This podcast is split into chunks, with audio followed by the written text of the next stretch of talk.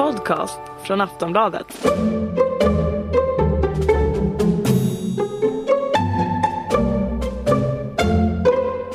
Välkomna! Eh, det är snart dags för lön igen och det betyder också lönedags, Aftonbladets ledarsidas podd om vinterns stora lönerörelse.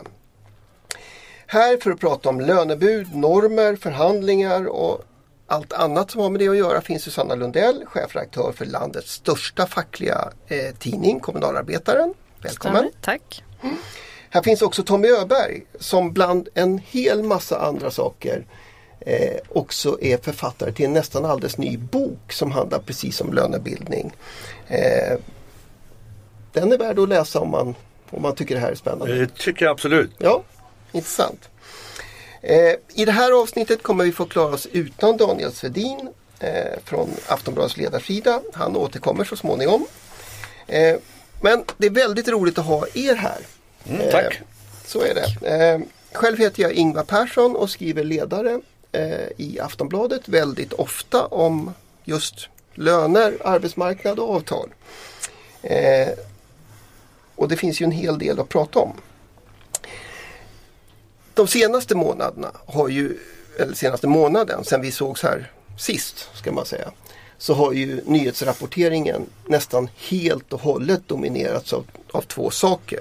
Det har varit flyktingkris eh, och det har varit terroristdåd i, i Frankrike och, och också terroristjakt i, i Sverige här. Eh, när vi spelar in det här så har ju eh, precis polisen slagit till uppe i, i eh, Boliden, ja. Boliden av alla platser. Eh, just terrorismen kanske inte har direkt med lönerörelsen att göra. Men frågan är väl om flyktingkrisen kommer att ha det. Eh, det där är det ju i alla fall så att den har dykt upp som ett eh, argument väldigt ofta i den senaste tidens debatt. Eh, det är många ekonomer och arbetsgivarföreträdare framför allt som säger att det här kommer att påverka lönerna. Eh, hur då Tommy?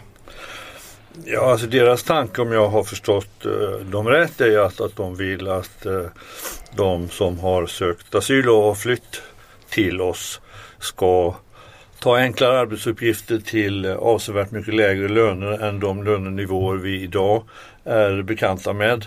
Eh, Och det förutsätter ju då förändringar utav de avtal som reglerar villkoren på arbetsmarknaden. Och av det skälet så, så, så blir det ju en fråga också för partssystemet. Eh, eftersom arbetsgivarna har ju gång på gång velat ha lägre ingångslöner och den här gången är argumentet att, att det ska hjälpa flyktingar in på arbetsmarknaden. Förra gången så skulle det hjälpa ungdomar in på arbetsmarknaden. Men nu finns det ju trots allt lite stöd för att säga att, att det är inte främst en prisfråga. Alltså det finns ingen oomstridd forskning internationellt som säger att om vi bara har låga ingångslöner så upphör ungdomsarbetslösheten. Eller då får alla ungdomar jobb. Nja, alltså vi har ju provat i Sverige med att halvera kostnaden för de sociala avgifterna för alla under 26 år. Det var så vitt jag vet ingen succé överhuvudtaget. Så att den här prisdiskussionen, alltså den av och till kommer den och eh, nu är det flyktingar som är, är det starka argumentet. Förra gången var det ungdomar och jag tror precis som förra gången att det här kommer att avvisas och det kommer inte att bli en sån lösning. Dessutom ska man komma ihåg att de flesta som kommer hit kommer inte ens in i arbetskraften förrän de har fått besked om att de får stanna i Sverige. Och det kan ta flera år nu innan de ens finns som arbetssökande. Och det är möjligtvis där som insatser skulle göras för att snabba på den processen så att de snabbare kan söka jobb och eventuellt ta del av utbildningsinsatser eller vad det nu är som krävs. Men Susanna, du har ju innan du, eh, vi, kommer tillbaka till, till just den kommunala sektorn så småningom också, men du har ju också eh, skrivit om, om till exempel hotell och restaurangarbetsmarknaden tidigare. Där har ju just arbetsgivarorganisationen varit väldigt tydlig eh, nu och sagt att ja, men vi, måste, vi måste få till lägre ingångslöner. Eh, alltså känner man igen det här? Argumentet. Jag känner igen det väldigt väl och det är också det, precis som Tommy beskriver, att det här har vi sett och det har de pratat om just i hotell och restaurang då när det gäller ungdomslöner. Och vi har ju inte kunnat se att det har haft den effekt som man har pratat om. Så det tycker jag är viktigt att man stödjer sig på den forskning som finns. Då, då. Sen kan det ju finnas, som Tommy också lyfter här, en annan aspekt att man vill komma in i, ja, i arbe på arbetsmarknaden, komma in i det svenska samhället. Men det är ju, kan man ju, där kan man ju titta på andra saker då som utbildning och, och praktikplatser och så. Men att eh, arbetsgivarna tar ju det här också som en chans naturligtvis att kunna hålla nere lönerna eh, och, och, göra det och få in det i det. Det, måste man, det perspektivet måste man ha med sig. Och det tar ju som Tommy också är inne på, det tar lång tid att komma in och komma ut på arbetsmarknaden. Det är både en fråga om får man stanna och språk och så vidare. Och då kanske det är där man istället bör göra insatser, att hjälpa människor att, att komma in. Så att det inte tar så lång tid när man väl får besked om att man får stanna. Men inte minst kommunal, alltså vi kan, kan fundera över vad kan parterna göra men inte minst, alltså man ändå tänker lönerörelse. Inte minst kommunal har ju i flera, eller jag skulle säga i stort sett varje avtalsrörelse så är ju just ingångslönerna en av de, de stora stridsfrågorna. Eh, där, där arbetsgivarna tycker att, att man inte ska höja dem så mycket och, och den fackliga åsikten har ju, har ju väldigt konsekvent och inte minst från kommunal sida varit just att ja men det här är viktigt att höja lönerna. Varför är man så, varför är man så fast i just det här att de ingångslönerna ska upp? Det är viktigt därför att man ser ju sen, det visar också forskning, att man har väldigt svårt att höja de löner som man, alltså man får så små löneökningar om man jämför arbetare och tjänstemän så att den ingångslön du får får du leva med väldigt, väldigt länge. Och därför är det så oerhört viktigt att man kommer in på en är rätt lön så som man då, den kan man ju naturligtvis diskutera vad är rätt lön mm. men, men att man inte kommer in för lågt för det kan sen ta 10-20 år och du kommer inte upp, du får så pass lite i, i höjning och det ser vi om vi tittar på en, en barnskötare eller en, en undersköterska. Att det är inga höga löner de ligger på även om de har jobbat. Jag pratade med en häromdagen som har jobbat i 30 år på förlossningen i Göteborg och tjänar 24 000. Mm. Och, då, ja, och, och, det är naturligtvis så, kommer man in lågt och sen så har man den här låga utvecklingen. Så därför är det oerhört viktigt i låglöneyrken att man kommer in, man inte kommer in för lågt från början. Men är inte, inte just den där verkligheten ett av de argument som brukar användas för att, att eh, att, det är ett problem med de höga ingångslönerna. Man säger ja men då får vi en så sammanpressad lönestruktur att, att det spelar ingen roll att man har jobbat tiotals år. Man kommer ändå tjäna lika mycket som de som precis har börjat. Jo, det kan man ju också höra att arbetsgivarna säger. Så det finns ju olika röster där. Men jag tror fortfarande att det, det, finns, det finns risker med att, att säga att allt löser sig genom att vi håller ner lönerna för de som först kommer in på arbetsmarknaden. Det är, det är ingen långsiktig lösning utan det är ett sätt för arbetsgivarna att hålla tillbaka löneutvecklingen. För alla? Ja, för alla. Det är också viktigt att komma ihåg att de, de branscher där det är ett mindre problem har oftast lokalt utformade och förhandlade lönesystem som gör att, att där kommer människor in och har en, en individuell utveckling alldeles oberoende av vad de centrala avtalen kommer överens om. Alltså ökade arbetsuppgifter, ökad kompetens, fler kunskaper som man tillägnar sig ger hela tiden löneutveckling på individnivå. Och slutar någon som är relativt välavlönad så fylls det upp så att pengarna stannar kvar i systemet istället för att någon billig skulle komma in längst ner och sänka totalkostnaden för arbetsgivaren. Och så är det ju på många ställen där det inte finns lönesystem. Kommunal är ju ett lysande exempel på just detta problem. De får negativ löneglidning under en avtalsperiod. För personalomsättningen är så stark. Och det kommer in så många billiga och så slutar det sådana som ja, med pension eller som byter till ett annat jobb som är något bättre avlönade. Och lönesumman faktiskt sjunker i förhållande till vad man avtalade om. Och, bara så, så, att det är klart, det du pratar om när du pratar om lokala lönesystem och den sorts, det, det är framförallt industriarbetsplatser. Absolut, absolut. Ja.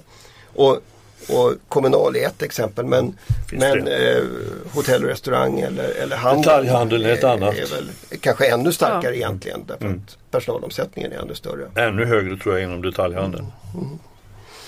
Så det här att, att det här argumentet dyker upp nu, kommer det ändå påverka avtalsrörelsen när, när man sätter sig och, och förhandlar och det blir skarpt läge någon gång fram i vår? Ja, det är inte omöjligt. Alltså det, det är svårt att veta hur hårt respektive sida har laddat just kring den frågan. Det finns ju andra frågor i vinter som, som också kräver väldig mobilisering för, på, på varje avtalsområde. Så att jag har svårt att bedöma om just lägstlönerna blir det stora eller om det blir satsningar på kvinnolöner eller generella låglönesatsningar eh, som, som blir det riktigt stora. Det är jättesvårt att bedöma. Mm. Ja, ja, det är väldigt svårt och det man kan se är väl också att nu kanske vi föregriper kommande frågor men jag tänker att man har valt att lyfta ut grupper och prata om värdediskriminering. Det är väl det som är det nya så att säga när man tittar på undersköterskorna då när det gäller till exempel Kommunals områden. Och det, det, tror jag är någonting vi kommer få se mer av. Eh, men sen är det klart att låglönediskussionen kommer att finnas också. Men eh, det beror på vad man väljer att lägga. Vilken som blir den hetaste frågan. Mm. Det är svårt att spekulera om det. Och, och just själva mm. flykting Kommer det argumentet, kommer det att leva kvar in i, i förhandlingarna eller är det något man använder utåt? Eller, eller Jag använder... tror att det kortet kommer att spelas också när förhandlingarna eh, går igång på riktigt. Inte minst om, om trycket mot Sverige fortsätter att vara kring 10 000 som söker asyl i veckan. Då är det sannolikt att, eh, att det kanske blir på högkant när vi kommer fram till januari, februari då förhandlingarna går in i ett liksom intensivare skede. Mm. När det gäller kommuner och så så kan man ju se att det förs en diskussion hur mycket pengar finns det till exempel för satsningar på, på grupper som undersköterskor om man också ska ska ta hand om flyktingar och, och, hjälpa dem. Och då är det klart att där beror det på då hur utvecklingen blir. Man har ju fått extra pengar för det men när de pengarna tar slut, vad händer då? Mm. Så det kan ja. påverka också på det viset? Ja, det tror jag. Ja.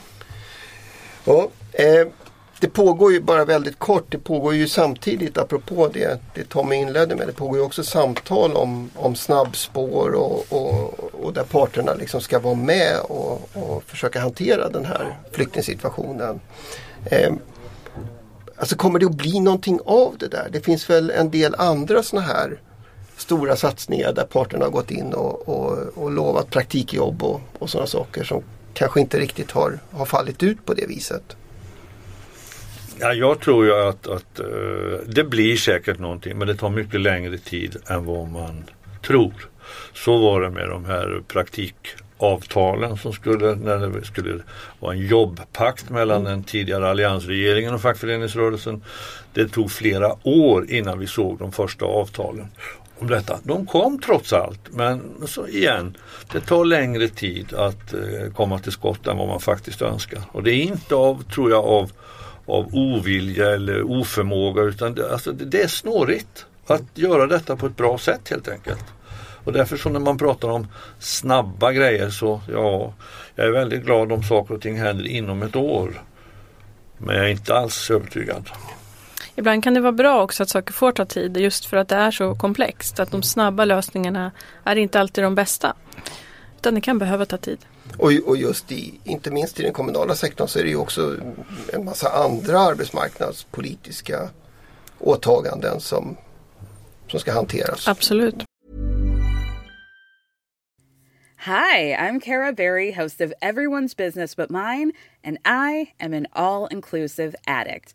Enter Club Med, the best all inclusive for you and your family. With resorts worldwide, from their family flagship resort, Club Med Punta Cana, to their only mountain resort in Canada, Club Med Quebec, they have everything you need to relax. With their 20 plus sports activities, wellness programs, you can dine on delicious cuisine and make memories with your family. So book your next getaway with Club Med. Visit clubmed.us or call 1 800 Club Med or your travel advisor. Okej, vi lär få eh, återkomma både i den här podden och i, alla möjliga andra sammanhang. Egentligen ska jag säga eh, så, så hade jag ju från början planerat in den här och tänkte att i slutet på november då, då har vi kanske en siffra att diskutera. Eh, och nu har vi ju en siffra. Mm. 2,8 procent. Ja. ja. Sa facken inom industrin här för vad är det? Par tre veckor. par, tre veckor sedan. Mm. Eh, I en sån lite välarrangerad presskonferens där alla fick säga någonting eh, liksom först för att, för att siffran skulle komma som en, en stor final på slutet. 2,8 procent. Eh, hur reagerar man till exempel i, i Kommunal då på en sån siffra nu när det inte finns någon samordning och sådär? Jag tror att man kommer att förhålla sig till den eh, men man kommer ju också att kräva mer för en viss grupp. Det är ju så man har valt nu då, att lyfta ut undersköterskorna. Och där har man ju tittat på lärarna och tror jag vill nog följa. Man har sett att det har varit bra att inte sätta en siffra helt och hållet utan också öppna upp för en, en del som är, som är så att säga sifferlös. Men då vill man ju ha mer. Mer än, än märket. Förstås. Och det kommer man att hålla fast vid. Mm. Vi kan komma tillbaka till lärarna men Tommy, kan du förklara hur räknar man fram den här siffran på 2,8 procent? Vi ska väl också säga bara att, att som ett brev på posten så, så kom ju förstås arbetsgivarnas reaktion där, där man eh, pustade och stönade och, och beskrev det här som något av det dummaste de hade hört. Men det är som du säger Ingvar, det var ingen överraskning att de skulle reagera på det sättet och säga att det här var oseriöst och att det här undergräver konkurrenskraft och så här kan vi inte ha det. Men om man återvänder till hur, hur facken inom industrin har, har resonerat så, så den enkla förklaringen är väl att säga att de har utgått ifrån Riksbankens inflationsmål på 2 och sen har de sett att produktivitetsutvecklingen i industrin har varit svagare under de senaste åren. Så tidigare låg den ju kanske på både 2, 3, 4 och ibland 5 procent. Nu säger flera att den är under 1 procent om året. Ja, då är det inte så svårt att tänka sig att man, tar, att man hamnar på 0,8 och lägger det till de 2 procentens inflation och så blir det ett lönekrav på 2,8 procent. Och sen vet alla att sen ska det förhandlas och tittar man bakåt så är måluppfyllnaden när det gäller fackliga lönekrav 70 till 75 procent och då blir det uppgörelse på runt 2. Ja. Så det är det vi ska räkna med? Det är min gissning. Ja. Väldigt klok analys tycker jag. Då kan vi egentligen gå hem härifrån ja. och veta det Ja, men de kanske överraskar och hittar på något helt annat, vem vet? Ja. Nej men för det finns väl åtminstone två saker som, som är lite komplicerade i den där matematiken eh, i, i år. Och det allra mest komplicerade, alltså det är, därför att det ena är ju att här, de här lönekraven också ska stämma överens med den internationella konkurrenskraften. Det är ju, det är så att säga den, det är ju egentligen det mål man oh ja. har, har, satt upp. Och då är ju frågan eh, när det går så dåligt i stora delar utav, utav vår närmaste omgivning, i Europa och sådär. Eh, så säger ju åtminstone arbetsgivarna att nej men vi tappar i konkurrenskraft, så här kan vi inte ha det. Eh, nu måste vi göra en, en, en annan sorts och vi har tappat i konkurrenskraft länge. Eh, Ja, men fast det är viktigt att komma ihåg då att eh, alltså Tyskland som är, är jätteviktigt för svensk industri och som vi oftast mäter oss emot. De har ändå taktat upp när det gäller löneökningar de sista åren. Nu i år så ökar deras löner runt 3 och prognosen är att de ökar också med 3% under nästa år. Det har naturligtvis de svenska industrifacken sett och att i någon mening ta lite rygg på. Tidigare när, när tyskarna liksom gjorde avtal som låg runt 1% då var det ju arbetsgivarna som gärna ville att, man, att vi skulle följa den tyska modellen. Mm. Så att alltså det här vrids och vänds fram och åter lite grann beroende på vad de hittar på söder om Östersjön. Och den här gången så verkar det tycka som om facken gärna pratar om tysk löneutveckling för närvarande. Och mindre om finsk eftersom där ser det ju riktigt dystert ut för närvarande med starka regeringsingripanden och hårda åtstramningar som är föreslagna. Va? Men där, där det också är på väg in i ganska omfattande strejker om jag har förstått alltså det finska läget rätt just nu. Ja och sen när det gäller in, de nordiska länderna så har ju Sverige legat bättre till, ja än till exempel Finland som du nämner och även övriga. Mm. Det beror på hur man ska titta men det är klart att omvärlden påverkar också. Men vi har ju vi har ett betydligt bättre läge här och det måste man ju också väga in. Sen är det den, den, andra så att säga, problemet i den här kalkylen och det som väl eh, man har, åtminstone har flaggat för kommer vara väldigt mycket bråk om. Det är ju just inflationsmålet.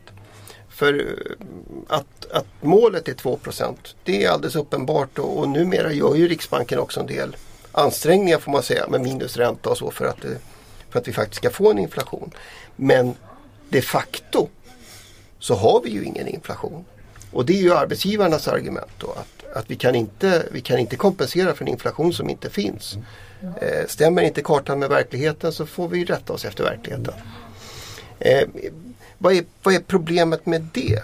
Som du ser det Susanna? Ja, jag tycker det är jättesvårt det här med inflation, hur man ska se på det. Men det blir ju på något sätt allt, allt det här, även tanken på en 2% i inflation, det är också någonting, det har man sagt, ja ungefär där vill vi ligga.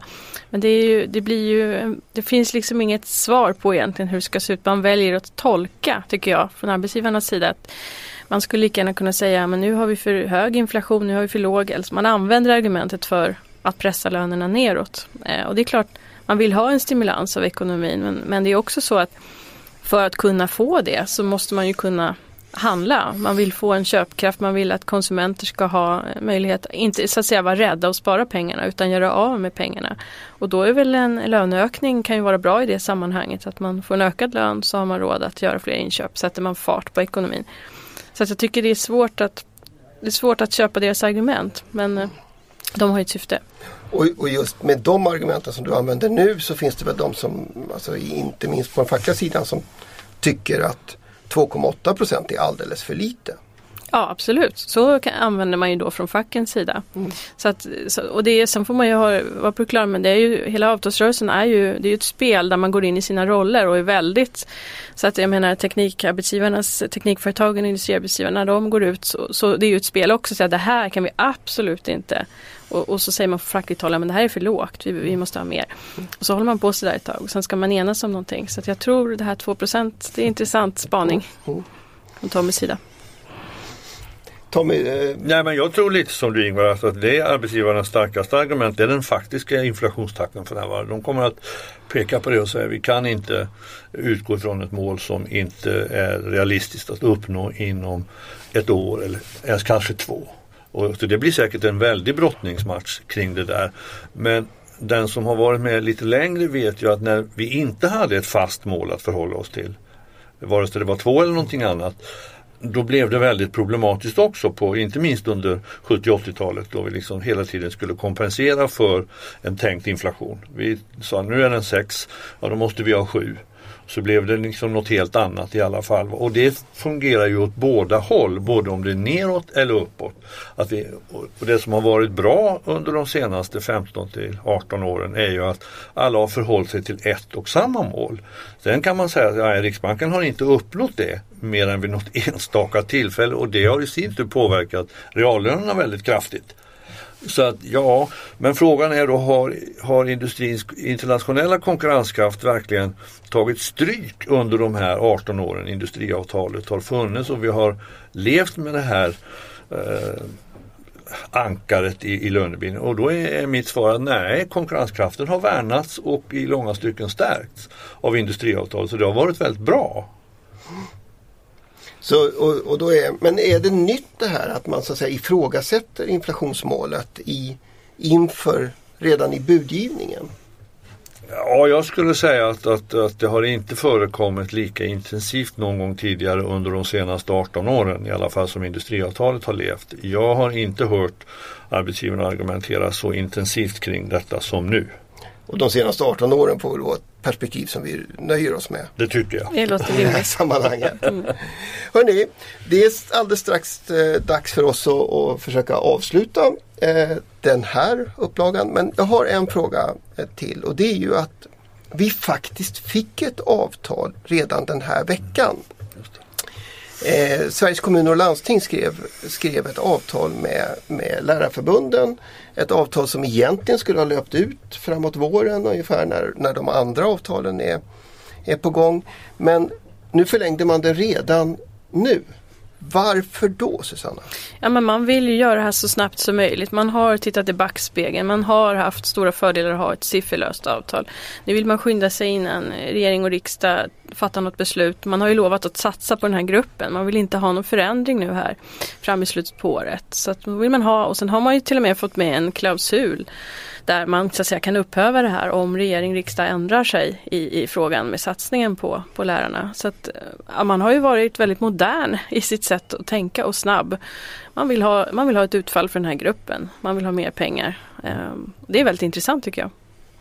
Nej, jag delar Sanna, eh, Susannas uppfattning om att, att eh, de såg det som angeläget att skynda på.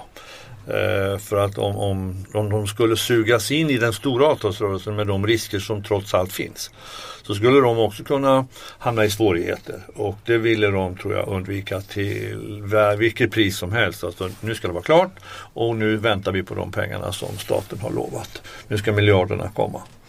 Men vad betyder det för, för liksom idén om en sammanhållen eh, avtalsrörelse när, när en grupp då på det här sättet eh, mm. egentligen väldigt tydligt liksom ställer sig vid sidan av till och med genom att... Nej, jag tror att, att det uppfattas som väldigt utmanande av eh, flera grupper, inte minst inom deras egen sfär, tjänstemannasfären och akademikersfären, att de äh, mäler sig ur allt ansvar för detta. Och för att om man bara leker med tanken nu att en grupp som kanske är hårdast pressad av flyktingmottagning är då socialsekreterare mm. och Akademikerförbundet SSRs medlemmar. De kommer att se sig själva som otroligt viktiga för att, att det här åtagandet ska fungera. Och klarar vi detta anständigt så kommer de att vara en slags vår tids hjältar. Och de kommer att anse att de ska uppvärderas på alla sätt, minst i minst lika hög utsträckning som lärarkåren. Och hur, hur man då ska undvika att de kräver kompensation för de miljarder som regnar över lärarkåren, det förstår inte jag. Och det måste väl dessutom påverka eh, andra kommunal... Absolut. Eh, det kan det absolut göra. Så att här, här är det ju olika grupper som, som så att säga ställer sig för sig själva och ropar högt och vill vara klara tidigare. Det kan ju bli splittring i, i de egna leden när man gör på det sättet. Så. Sen kan man också se att andra följer efter och ser att det verkar vara en framgångsrik metod. Nu gör vi så här men vad det innebär på längre sikt mm. det kan ju vara en större oro på arbetsmarknaden och svårare att att veta hur, hur utfallet blir. Mm. Och det finns ju både positivt och negativt med det. Ska den grupp som eh, blir klara först och skriker högst få mest? Vad är det som ska avgöra vilken grupp det ska satsas på? Är det de som är mest lågavlönade eller är det de som gör det tuffaste jobbet och, och vem avgör? Det, det är mm. spännande.